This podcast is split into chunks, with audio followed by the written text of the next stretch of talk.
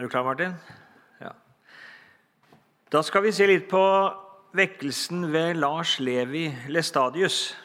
Og det meste av det som eh, kommer nå, det er da henta fra noen foredrag som ble holdt her på Fosnes for en god del år tilbake av Gunnar Nilsson.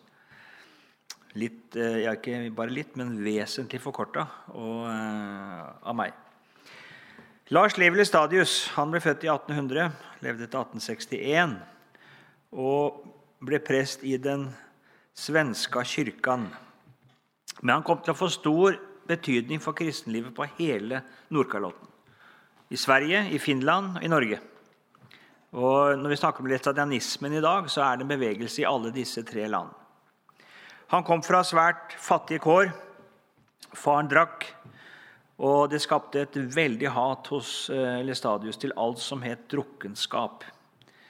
Det prega hele hans liv.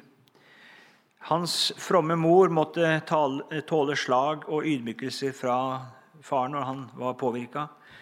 Og hun både gråt og ba i nattetimene, og det satte uslettelige spor på Lestadius også, det. Hans mor. Han eh, begynte å studere botanikk ved Universitetet i Uppsala men gikk senere over til teologistudiet. Og Likevel så fulgte interessen for botanikk han hele livet, og han ble verdensberømt for sine botaniske studier. Eh, og, men det tror jeg ikke han heftet seg mye ved. Han var ikke så veldig opptatt av Han hadde i hele tatt en stor forakt for menneskelig berømmelse, eh, for fine klær, for, for eh, det som gjelder for noe i denne verden. Det hadde han ingenting til overs for. Han begynte som pastor i Carisoando i 1826. Det hadde han egentlig ikke tenkt på. Han, ble, han fikk på en måte nesten besatt til stillingen. Eh, og ikke kanskje mot sin vilje, men, men, uten egentlig å ha tenkt det. Eh, og han, ble, han var der til han i 1842 ble prost i Pajala. Han virket som prest i 18 år før han opplevde sitt åndelige gjennombrudd. Eh, vi kan jo si det at Som prest så talte han jo eh, De som har lest hans prekener fra denne tida, altså, at han talte jo på mange måter læremessig, helt ortodokst, eh, altså eh, tradisjonelt. Eh, og talte imot drukkenskapen og, og eh, synden. Og, men det hadde ingen effekt. Det var liksom ingen, ingen virkning av forkynnelsen. En alvorlig lungesykdom i 1842 gjorde at han ble redd for å dø, og han ble vakt opp til en dyp synserkjennelse. Han hadde jo hatt erfaringer tidligere, men det hadde ikke hatt heller den virkning på han, men nå gjør det det. Og han går i flere år med en sterk dom og anklage i sin samvittighet. Vinteren 1844 så treffer han samejenta Maria. Hennes egentlige navn det var Milla Clemensdotter. Og hun forteller om sine egne erfaringer. Hun har hatt en ganske eh, på en måte, ja, hendelser i livet som er ganske eh, store. Og hun forteller på en måte sin livshistorie og hvilke erfaringer hun har gjort i nådens skole. Og det blir han til åndelig hjelp. Eh, det går enda ei uke før han bryter igjennom til frigjort tro. Det gjør det. Og han sier selv at etter denne hendelsen fikk hans forkynnelse en høyere farge. Og i desember så bryter vekkelsen løs i hans egen menighet. Og, og, og så enormt, altså. En, en, en, forskjell fra før. De 18 år han hadde vært eh, prest, altså. Og så nå med ett så er det en helt, helt annen virkning.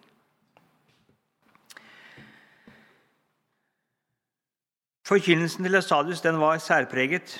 Han vektla i sine taler budskap om synd og nødvendigheten av omvendelse. Og han brukte uhyre tror jeg vi må si, sterke og malende ord i sitt oppgjør med synden. Ord som mange støtte seg på, ble forskrekka over. Ja, han, øh, øh, jeg tror i vår tid så ville vi oppleve dette vulgært som øh, ja, som på en måte eh, altfor altså Jeg tror vi ville ikke på en måte vært eh, i vår kultur. altså eh, i stand til å på en måte synes noe om det. Vi ville nok reagert. Jeg tror det. Kanskje dessverre. Det er ramsalt tale, og samtidig så er det treffende. Jeg husker ikke alle begrepene, altså, men han, han han uh, taler ikke sant imot velevnet, og han taler om endetarmens gud, og han uh, taler om og, ja, jeg, Gunnar har nok et register av sånne uttrykk, men jeg har ikke så mange present. Men, men han, han, har jo også ved det at han knytter de ulike hovedsynder til ulike organer i kroppen. Så kommer litt tilbake til det. Og Derfor kan han kalle om endetarmens gud. Altså Det er på en måte, det er noe synd som sitter i, i magen, ikke sant? og noe i endetarmen, og noe i gallen, og noe i, i, i levera, noe i nyrene og noe eh, så, så, han bruker jo det, men er også eh, han, han, bruker veldig drastiske ord ifra, ifra livet, også hverdagslivet, så han bruker som, som bilde på, på synden og syndens følger. Han kaller alkohol for djevelens piss. Ja, ja ja, djevelens piss, ja. Alkohol. Ja. Og, og, og, når han sier det ikke, så er det bare Det er ikke, det er ikke et kraftuttrykk. Men poenget er at han mener, altså, han mener det han sier. Altså Det er på en måte eh, at det er det man drikker, altså. Eh, og, og, så, så han, han det, er ikke, det, er ikke, bare for å være eh, slagferdig. Det er ikke det i det hele tatt. Men det er for å, å si noe av eh, hvilken råttenskap og elendighet og, og, på en måte hvor, hvor, ille det er. Stygt og alvorlig det er. Så bruker han det. det er, eh, så han maler altså synden med, med, sterke farger, men det er helt åpenbart realistiske farger. Eh, men det er en realisme som jeg tror på mange måter folk ikke da var beredt til å ta inn over seg, og i hvert fall ikke i vår tid. Altså Når man ikke tåler å høre ordet fosterdrap, ikke sant? det er altfor ille. Eh, så vi kaller det abort. For da, da, pakker vi det inn hva det er. Det er et drap på et foster.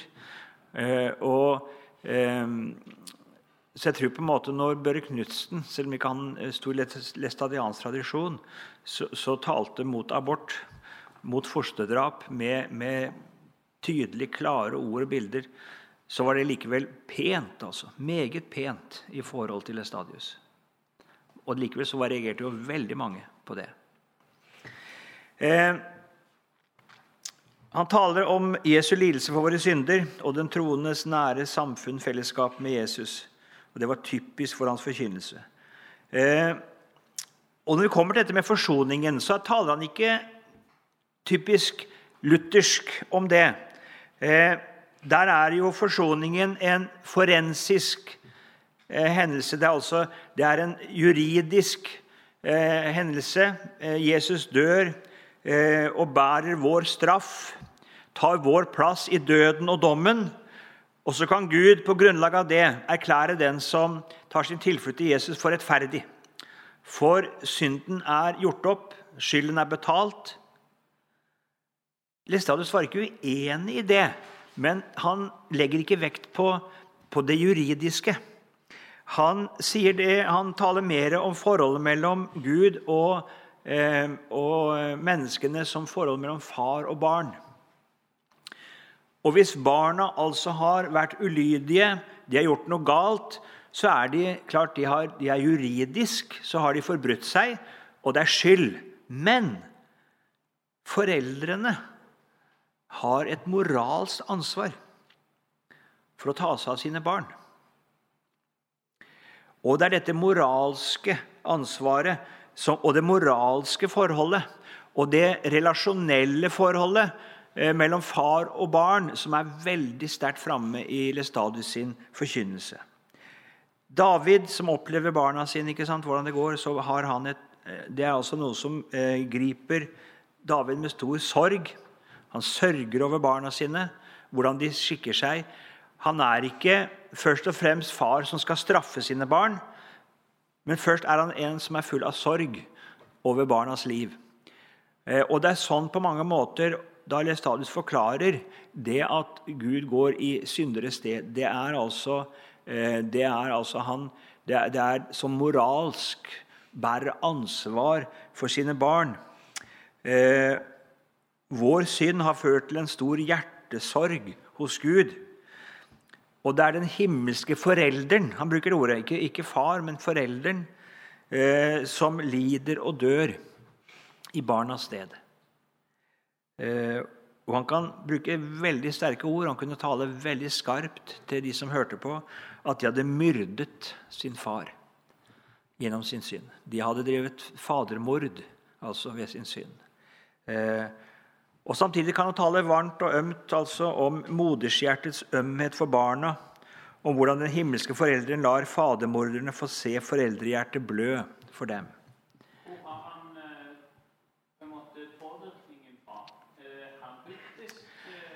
eh, Nei, jeg tror ikke det. Jeg tror kanskje eh, jeg tror kanskje jeg skal si litt om hans egen oppvekst. På en måte, Og, og det, foreldre, det forholdet han hadde til sine foreldre. Ikke hans far med drukkenskap, men kanskje mor der.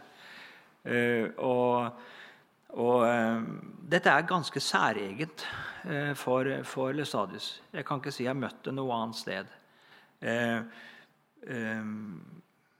Det står i Bibelen om en mor som om, om hun glemmer sitt dine barn, så glemmer ikke jeg deg. Så det er ikke det at ikke du har bibelske ord som taler om det.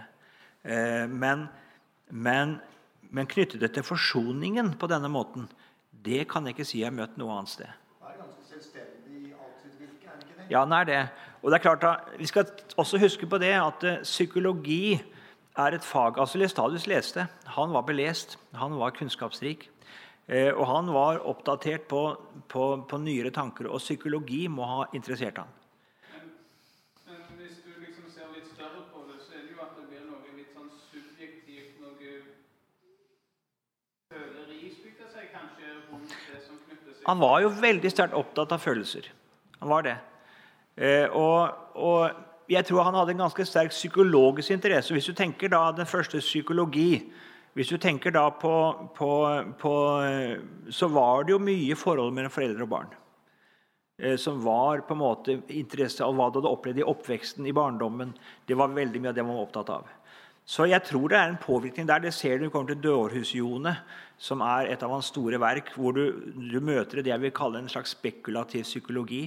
Eh, hvor han prøver på en måte å forstå synden eh, og beskrive synden som sitter her og der. Og det er en slags form for psykologi. Jeg kommer tilbake til det. Eh, men det er altså det dette synet på eh, foreldrehjertet som blør, som vekker til anger og omvendelse. Det er altså synet på hva jeg med min synd har forvoldt hos min far. At jeg har myrdet han med min synd. Eh, Det er det som virker. Eh, Når du møter i, eh, hos Luther, så bruker han jo uttrykket anger. Det er den skrekk og forferdelse som loven jager inn i samvittigheten. Så er det nok et sterkere vekt her hos, hos Lestadius at det er på en måte det er hva det koster Gud å frelse mennesket, som vekker angeren og synserkjennelsen.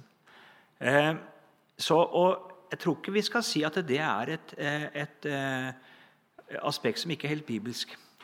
Eh, altså eh, eh, når, eh, når, når apostelen Paulus taler altså, Nei, ikke Paulus, men, men Peter taler til jødene som hadde korsfestet Jesus, da tenkte han ikke at de fysisk hadde gjort det, men altså at, eh, at de ved deres synder hadde ført Jesus til korset så virker det altså helt klart stikker dem i hjertet. Eh, og Det er noe av dette her som, som også da eh, er særpreger Lestadius sin forkynnelse. At det er faktisk forkynnelse av, av eh, forsoningens pris som vekker til anger. Markus skriver her at han eksempelvis kalte de fine damene som var uomvendte, for dydige horor. Ja. Var hva jeg forstått et forsøk på å trampe dem på tærne, og så at de får se litt av seg selv. Ja, og det er ja. Han, eh, det, dette kjenner vi litt igjen eh, fra Per Nordsletten.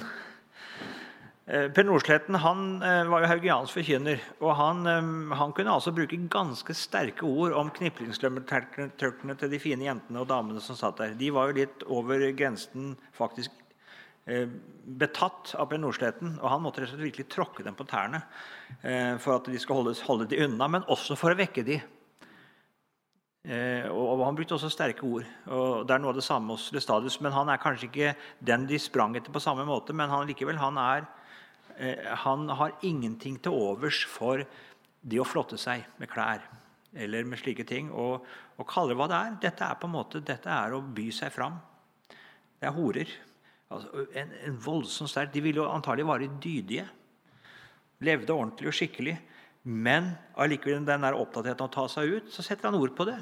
Så grovt at de måtte bli rystet langt inn i sin dydige eh, borgerlige moral. ikke sant?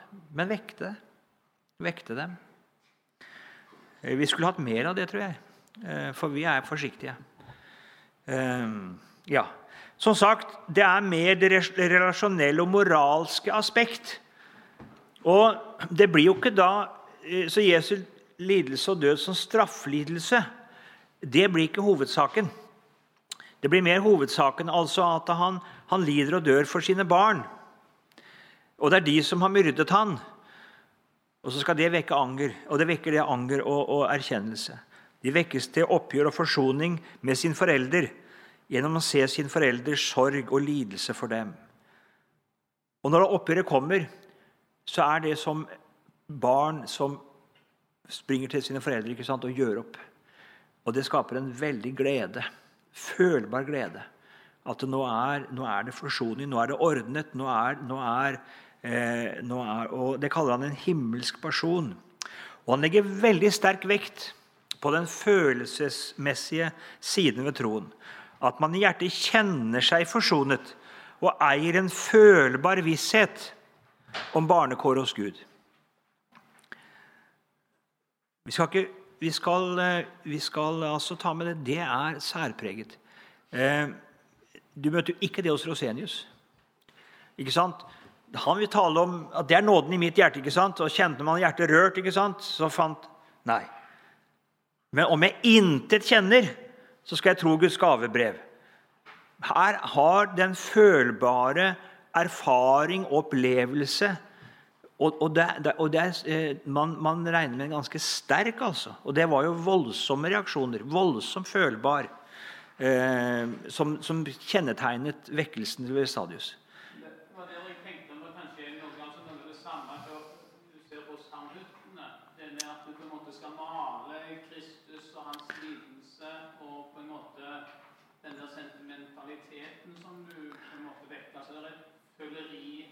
Ja. Ja, så det er, det er, nok noe av det samme i den forstand at man legger vekk på det, det, på måte, det følbare ved, ved troen. Eh, at det er en, eh, en himmelsk person. Eh, I hans bok 'Dårhusjone', da, så den har jeg lest, og den syns jeg var utrolig interessant å lese. Han søker å gi en systematisk fremstilling av nådens ordning, som det heter på svensk. Og han beskriver sjelens egenskaper og tilstand. Og Vi merker at han må ha lest psykologi. Eh, og Jeg opplever det som en, jeg vil kalle den til dels spekulativ. Og allikevel eh, det, er, det, er, noe her som jeg tror han, han, er inne på noe som er et bibelsk anliggende. Og vi, Det ligger i vår språkbruk også. hverdagslig språkbruk. Vi snakker om det. ikke sant? Og Bibelen sier at nå ble det eh, oversatt på at en blir harm. Så står det egentlig at han ble varm. Og Hvis du skal tegne en som blir sint, ikke sant, så har han rød i fjeset, for han har blitt ganske varm. Det er blodet ikke sant, som har stiget han til hodet, ikke sant, og han er ganske het. Ja, da sier Lestadius at dette sinnet, denne vreden den altså, det, det, er vel, Jeg husker ikke, Han har jo forskjellig farge på blodet, og liksom, men det er vel det røde blodet som på en måte da eh, Og så sier vi at han er surmaga, sier vi. Ja, galle. ikke sant? Det er liksom noe Ja. Så i, i, gallen på en måte i det her sånn, så Her sitter da på en måte dette med bitterhet og på en måte det, det, det, Den synden har sitt sete der. Og så er det noe da som har sete i endetarmen, og så er det noe som har sete i magen, og så er det noe som har sete i nyrene. og så er det noe, ja. Han relaterer, Og vi bruker språk. Og den er dels hentet fra Bibelen, faktisk så har vi sånne uttrykk. Så at det er noe i det, og det merker vi. Altså Hvis en blir, hvis en blir sint, det er, det er en fysisk reaksjon. Vi kan snakke om adrenalin, vi kan snakke om sant, blod Men altså, det skjer noe rent fysisk. Når en blir bitter Det ligger i ordet 'bitter'. At det er noe surt. ikke sant? Og det er jo syre. ikke sant? Og er, altså, Gallen har en betydning. Den, den, den, spiller med her. Fra det til å si at uh, synden liksom springer ut av eh, på en måte av eh, håper jeg, bukspyttkjertel eller gallen. Jeg, tror, jeg, jeg, jeg synes, Da går vi over det spekulative. Jesus sier at det fra hjertet kommer det. Mord, hor, alt sammen kommer fra hjertet. Ja. Men der er jo sammenhengen med de fire temperamentene. Ja da. Ja.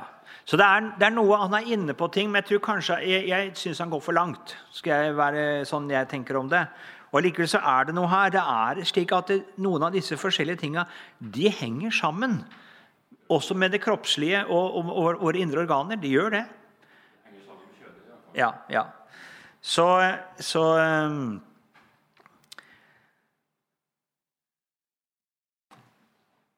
Han deler menneskene i sovende, vakte, benådede og nådetyver. De tre første betegnelsene de kjenner vi fra mange steder. Sovende vakter. Det var typisk i pietismen at man eh, skulle eh, preke et ord til de sovende, et ord til de vakte, og så skulle man ha et trøstende ord til de benådede. Var, man skulle dele Guds ord rett, og man skulle ha noe til å si til alle slags sjelstilstander. Nådetyver, det møter du ikke så mye.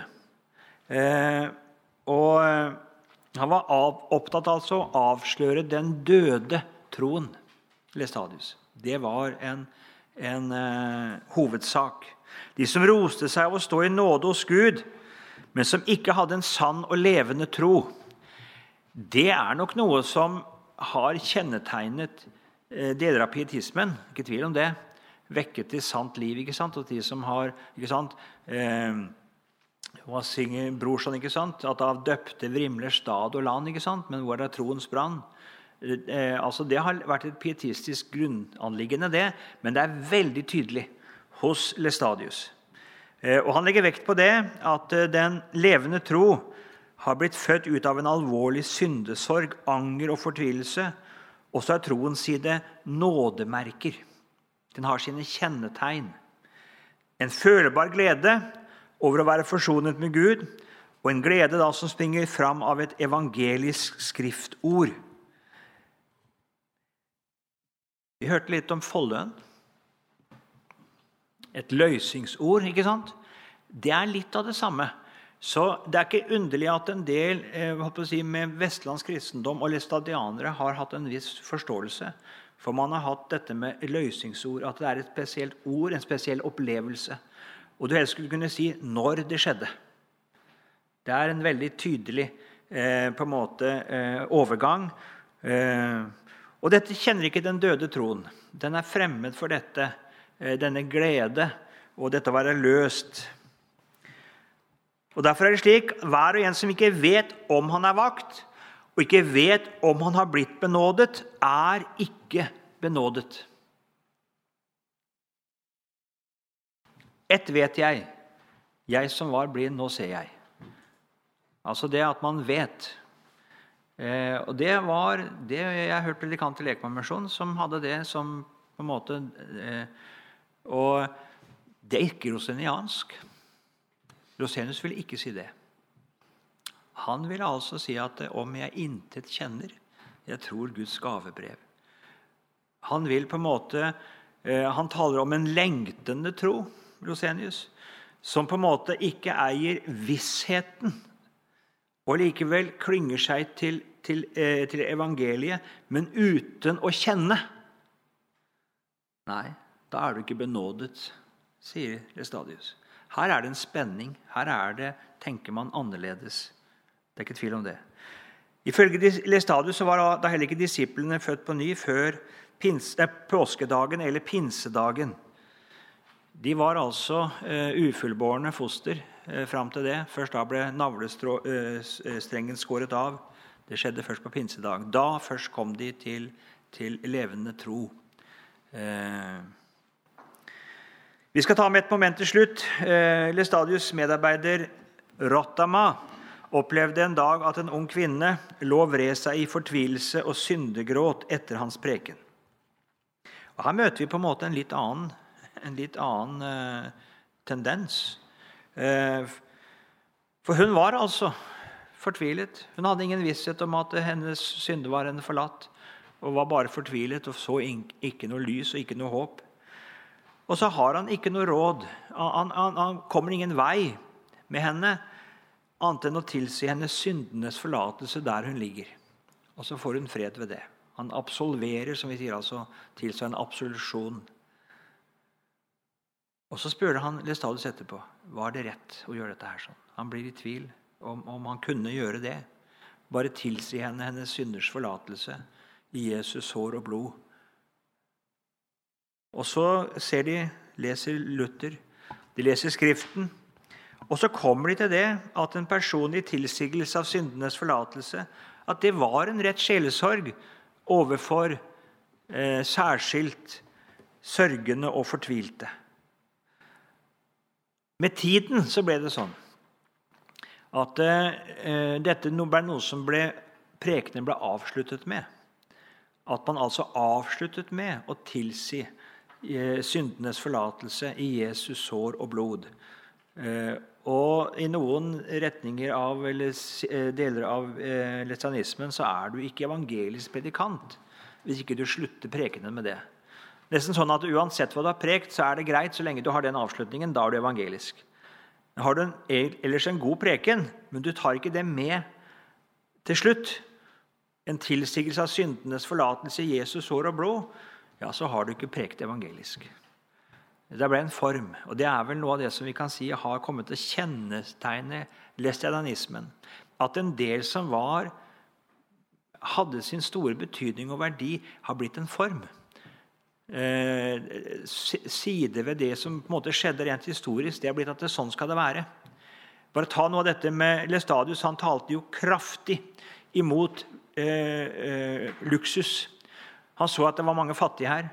Men de skulle jo ligne de rike, ikke sant? så de ville jo ha blomster i vinduet, de ville kanskje ha gardiner. de ville...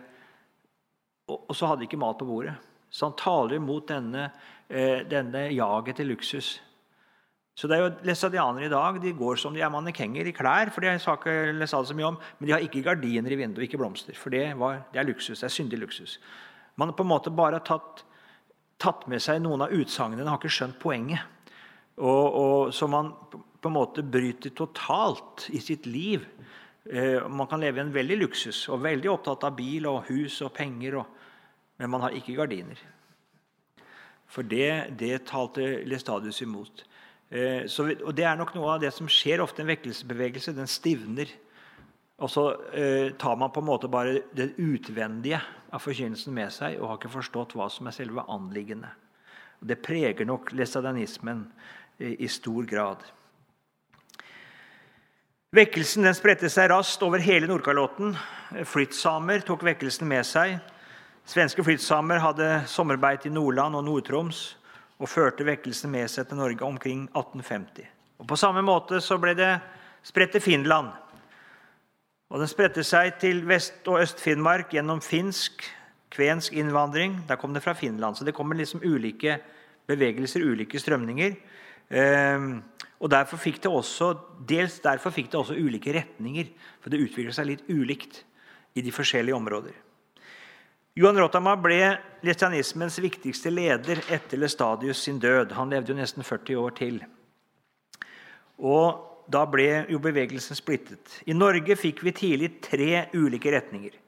De førstefødte fikk særlig utbredelse i Ofoten og Øst-Finnmark. I Alta fikk vi Alta-retningen, som også kalles de små førstefødte. Og Her ble en viktig leder Erik Johnsen. Og Han førte store deler av lesianismen i Norge inn i et mer luthersk spor og ble leder for den eh, såkalte Lyngen-retningen.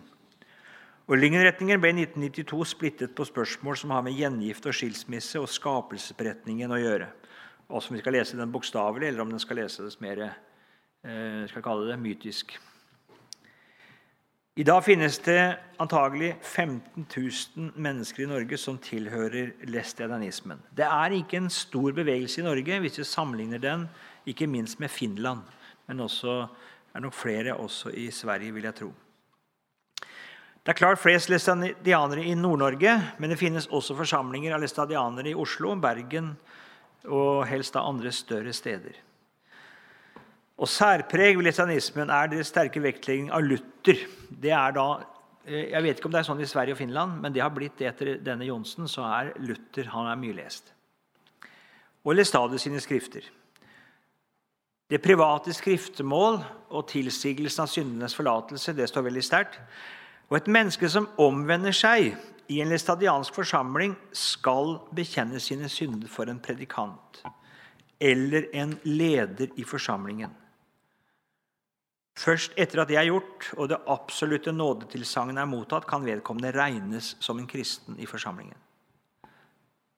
Eh, sterk vektlegging av Luther og Vestadius sine skrifter. Eh, Er det sånn at det faktisk leses mye sånn jevnt over? Jeg tror det er, det er nok eh, forskjellig. Jeg tror nok eh, det til en dels kan ligne litt på det haugianske samfunnet. De er ikke typiske lesere i Norge. Har ikke vært det. Eh, man har lest søndag. Satt seg ned og lest en preken av Luther. Eh, det har man gjort. Men, men, det å lese oppbyggelige skrifter sånn jevnlig, det har ikke vært så veldig vanlig. Eh, predikantene gjør nok det, men, men den jevne vet jeg ikke. Men oppbyggelsen er gjerne til leser. Ja, Man leser gjerne ved møtene. Så leser man gjerne skrifter der. Det er, ikke, det er ikke så ofte det er det preker. Nei. Ofte? Ja, stemmer det. Man leser gjerne prekener. Ja. Jeg vet ikke hvordan det er i Sverige og Finland. Er det noen som er med på Skype som kan si noe om det?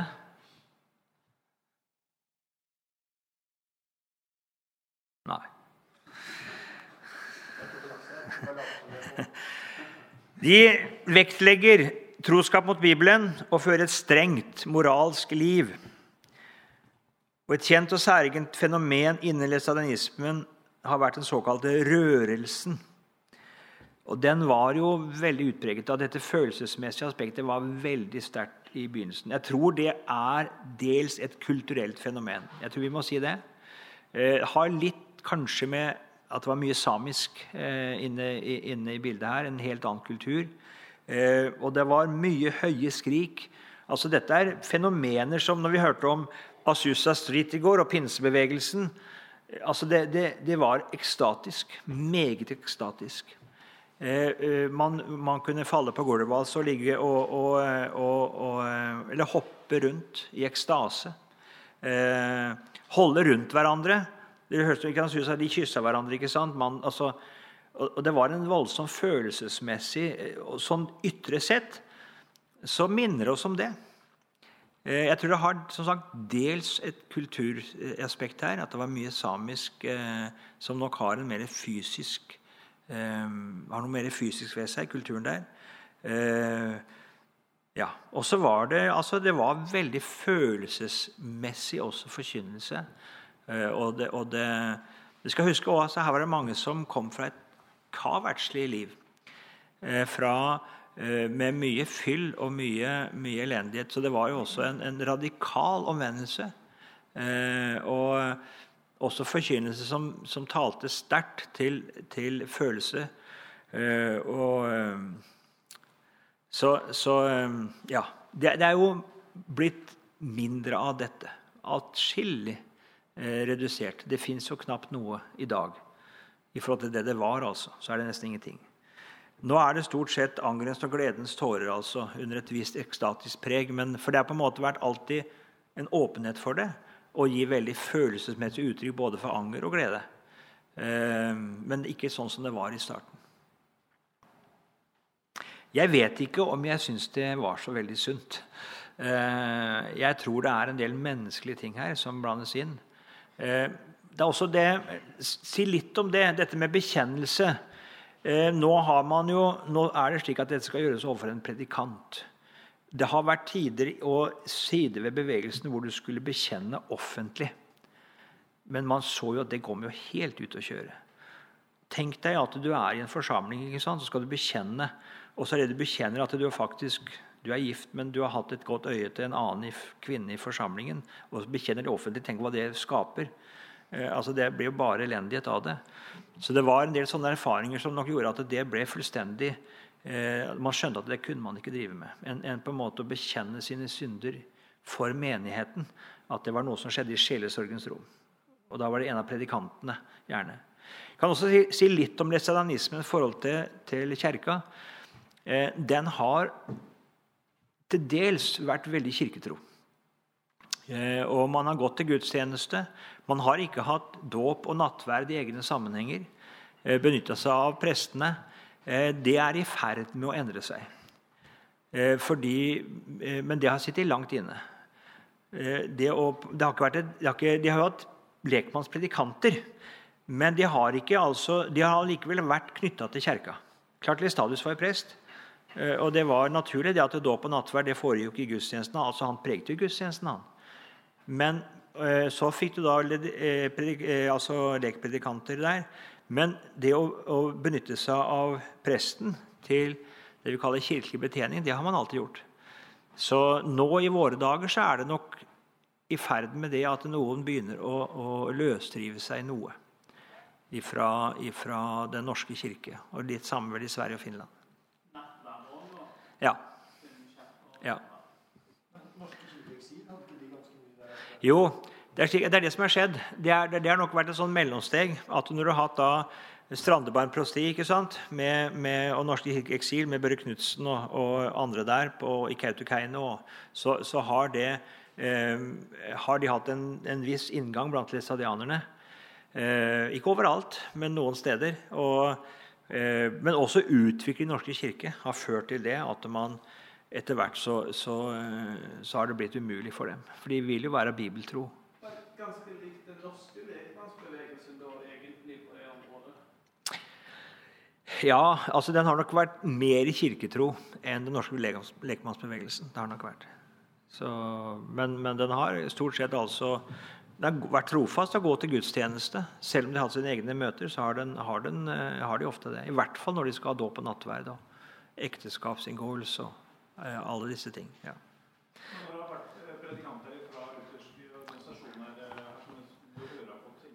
ja. det er nok mest i Lyngen-retningen. Litt kanskje også i Alta. Nå er det slik at I Alta der har vel Delk fått en inngang.